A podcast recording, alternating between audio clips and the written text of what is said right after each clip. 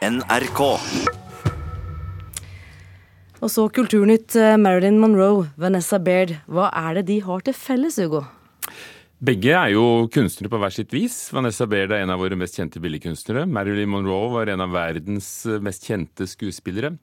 Det de har til felles, at begge skal det handle om i Kulturnytt i dag. Men vi begynner med Forfatterforeningen og de andre kunstnerorganisasjonenes krigsoppgjør. Flere norske kunstnerorganisasjoner kan ha feilaktig anklaget og straffet medlemmene sine for å arbeide til fordel for okkupasjonsmakten under krigen, eller nazistene. Det mener kunstsosiologen Dag Solhjell, som sammen med historiker Hans Fredrik Dahl skrev boken om kunstneroppgjøret i 1945. Den kom for noen år siden. I forrige uke ba Forfatterforeningen om unnskyldning overfor dem som ble rammet av den egne æresretten, ja de kalte det det, organisasjonen eh, opprettet etter krigen, og nå vurderer flere andre foreninger å gjøre det samme.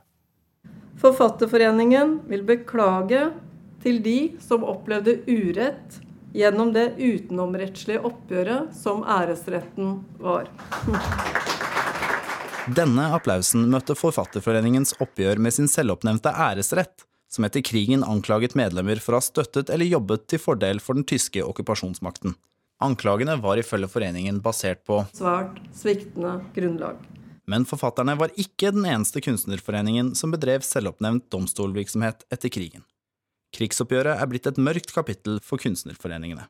Så mørkt at mange foreninger i dag ikke er opplyste om egne oppgjør fra tiden etter okkupasjonen. For oss er dette en helt ny problemstilling som vi eh, ønsker å ta tak i og tar veldig på alvor. Det sier styreleder Hilde Tørdal i Norske Billedkunstnere. Foreningen vil nå undersøke om de har medlemmer som må beklages til.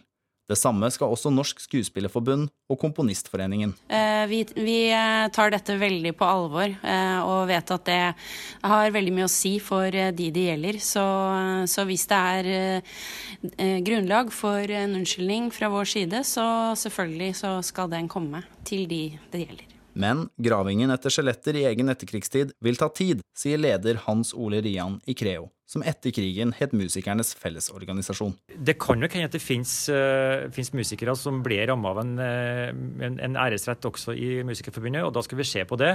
Og hvis det viser seg at uh, det er gjort feil, så skal vi selvfølgelig beklage det. Men vi trenger litt tid på oss for å undersøke saken. Dette er jo lenge siden, og det er komplisert. Så å si alle kunstnerorganisasjoner i Norge hadde æresretter. Ja, det var altså musikere, alle billedkunstnere. Og så hadde man også grafikere og tegnere. Og så var det Skuespillerforbundet, skuespillerne, og så har du forfatterne. Det sier kunstsosiolog Dag Solhjell, som sammen med professor Hans Fredrik Dahl i boken Men viktigst er æren maler et bilde av et vilkårlig og uforutsigbart oppgjør blant kunstnerne etter 1945. Bakgrunnen for det er at kunstnere var forbundet med en bestemt type ære. Kunsten representerte Norge utad, og særlig de mest kjente kunstnerne øh, forvaltet på landets vegne en ære. Og dermed så ble det slik altså at øh, jo høyere rang jo høyere anerkjennelse en kunstner hadde, jo strengere måtte vedkommende straffes fordi ærestapet for Norge var størst. Sa Dag Solhjell, kunstsosiolog og forfatter til reporter Øystein Tronsli Drabløs, som vi hørte i reportasjen, og også Christian Ingebretsen hadde arbeidet med reportasjen. Agnes Moxnes, kulturkommentator i NRK. Flere kunstnerorganisasjoner vil altså vurdere å be om unnskyldning for hvordan de behandlet sine medlemmer etter andre verdenskrig.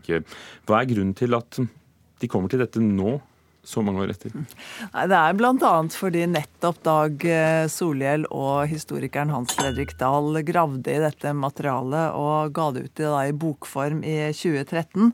Men fortsatt så er dette et kapittel veldig få kan noe om, også når det gjelder da kunstnerorganisasjonene som det handler om. Det er gått 73 år siden æresrettene straffet ja, noen vil si temmelig tilfeldig, medlemmene. Hvorfor hente frem historien igjen? Nei, Det er jo sånn da, at uansett så er det eh, slik at når det blir begått urett mot enkeltpersoner eller eh, grupper, så er veldig sjelden løsningen å holde kjeft om det og late som om det ikke har skjedd. Eh, sist torsdag så ba jo Forfatterforeningen 17 enkeltforfattere om unnskyldning. Og da kom det frem mange tragiske eksempler på forfattere som hadde fått et vilkårlig og urettmessig stempel av egne kolleger takket være disse såkalte æresrettene. Livet deres ble ikke enkelt etter dette her. Så, så det er nok et eksempel da, på at oppgjøret etter krigen eh, så var man veldig ivrig på å gå etter de små, mens man ofte lot de store gå. For Vi hørte i reportasjen i forrige uke hvordan eh, André Bjerke forteller eh, en av døtrene hans eh, fikk yrkesforbud i et år, fikk ikke ha inntekter. Og det hang da en mistanke ved det. Men hva, er det da i denne omgangen Forfatterforeningen har bedt om forlatelse for? Ja, altså Sånn som jeg hører Forfatterforeningen nå, så er dette først og fremst et oppgjør med egen historie. For Altså Bare noen få dager etter krigen så kom Hjemmefronten og ba organisasjonene, også da kunstnerorganisasjonene, om å se helt bort fra eh, norsk lov og norsk rett og basere seg på tilfeldigheter og et helt sviktende grunnlag når de skulle ordne opp i egne rekker etter krigen. Og for en organisasjon som Forfatterforeningen, da, så er ikke dette i det hele tatt en ærefull del av en historie at de faktisk sa ja til å gjøre som hjemmefronten ba om. Og det er vel først og fremst det de nå ber om unnskyldning for. I forrige uke dukte det også opp en sak eh, hvor det var spørsmål om en av forfatterne fortjente en slik eh, unnskyldning pga. sine antisemittiske holdninger. Kommer det til å bli flere debatter om enkeltpersoner, hva de har gjort, hvilke holdninger de hadde under andre verdenskrig? Ja, Det må man antageligvis regne med, og det må de kunstnerorganisasjonene som nå vurderer å egen, se nærmere på egen historie, ta med i betraktning. For dette her er ikke noe enkel prosess i det hele tatt. Også fordi det har gått så lang tid, så vil jo bare det at vi nevner enkeltnavn nå, også vekke til live en skygge av tvil som har fulgt en forfatter eller en komponist eller en billedkunstner i alle disse årene etter 1945. Agnes Moxnes, kulturkommentator.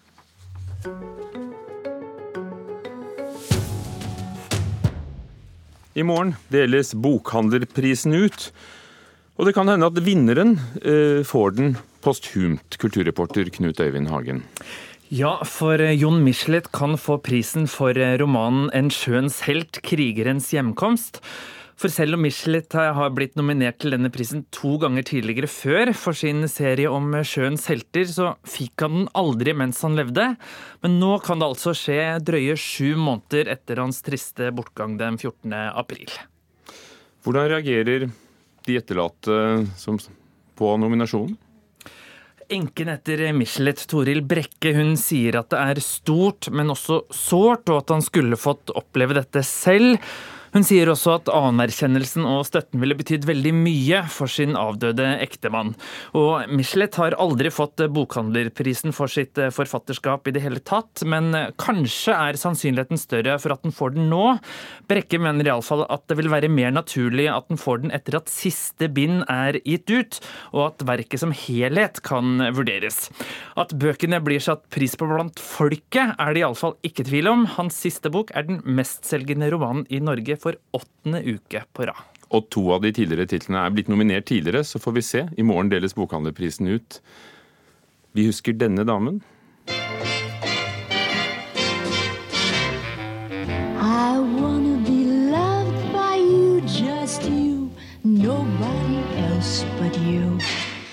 Det er fristende å høre mer og mer, men vi avbryter der. Marilyn Monroe. Eh, Mortensen het hun jo opprinnelig og hadde norske aner. Eh, hun blir stått pris på for tiden? Ja, hun synger jo her 'I Wanna Be Loved By You', og at denne kvinnen fortsatt er elsket, fikk vi beviset på under en auksjon som ble holdt i helgen. Da ble et eh, dusintalls gjenstander som tilhørte den berømte blondinen, auksjonert bort, og flere av dem gikk, kanskje ikke overraskende, for millionbeløp. Bl.a. en Golden Globe-statuett som fikk i 1962. Da fikk hun den som World Film Favorite, samme året som Jane Fonda fikk det som beste nykommer. Ja, og den gikk eh, under hammeren for over to millioner kroner. Det er rekord for en Golden Globe-statuett. Og en Ford Thunderbird, den ikoniske bilen, ble solgt for over fire millioner. Og Playboy-magasinet, hvor hun for første gang pryda forsiden med sin skjønnhet, gikk for nesten 300 000. Sånn som Elton John synger i 'Candle in the Wind', legenden Marilyn lever i beste velgående og blir bokstavelig talt verdsatt. Det er rart det, hvordan gjenstander eh, får betydning. Takk skal du ha, Knut Øyvind Hagen, kulturreporter.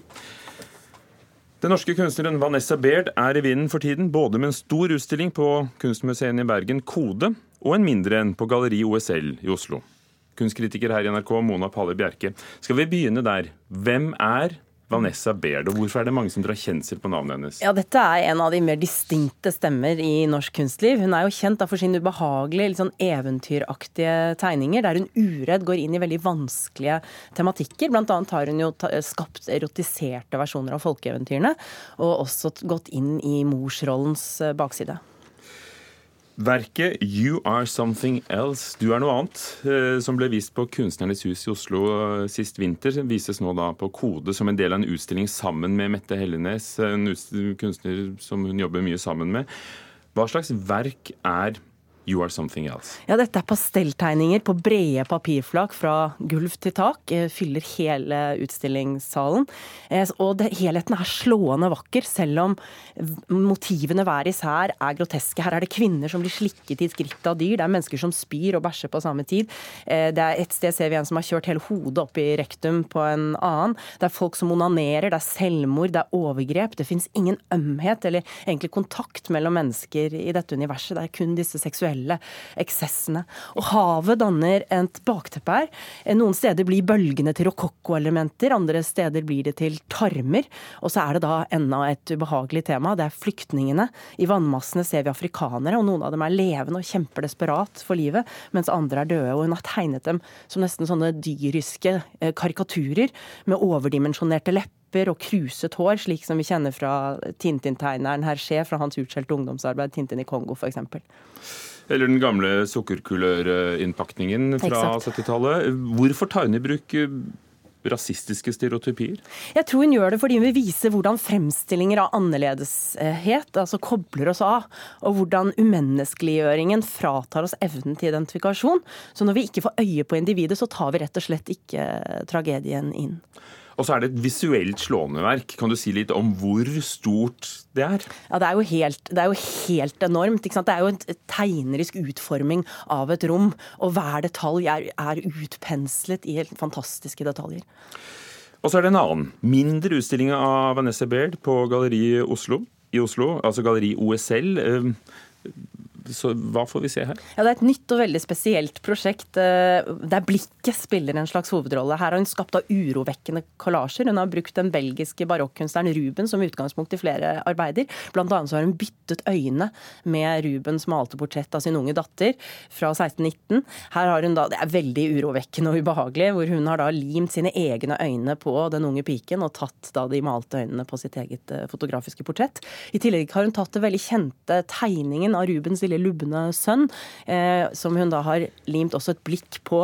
Men dette er ikke hennes egne øyne, dette er noen sånne litt fuktige akvarelløyne, enorme øyne. Og det får meg til å tenke på sånne filtre i enkelte sosiale medier, det er vel Snapchat, hvor man kan få veldig store øyne, hvor man da fordreier og på en grotesk måte forskjønner sitt eget uh, utseende.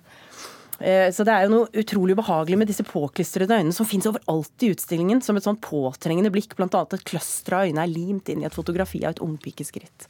Er det to gode utstillinger? Ja, dette er to eh, fantastiske utstillinger. Og jeg vil jo si det at de som ikke har fått med seg You Are Something Else på Kunstnernes hus sist vinter, er jo nødt til å komme seg til kode. Og også dette prosjektet på OSL er så underlig og tankevekkende, og er vel verdt eh, å få, få, med seg. Vanessa Baird, altså. Den henger eh, til 22.12. på Galleri OSL, og til februar på Kode i Bergen. Takk skal du ha, Mona Palle Bjerke, kunstkritiker her i NRK. Dette er eh, Nyhetsmorgen.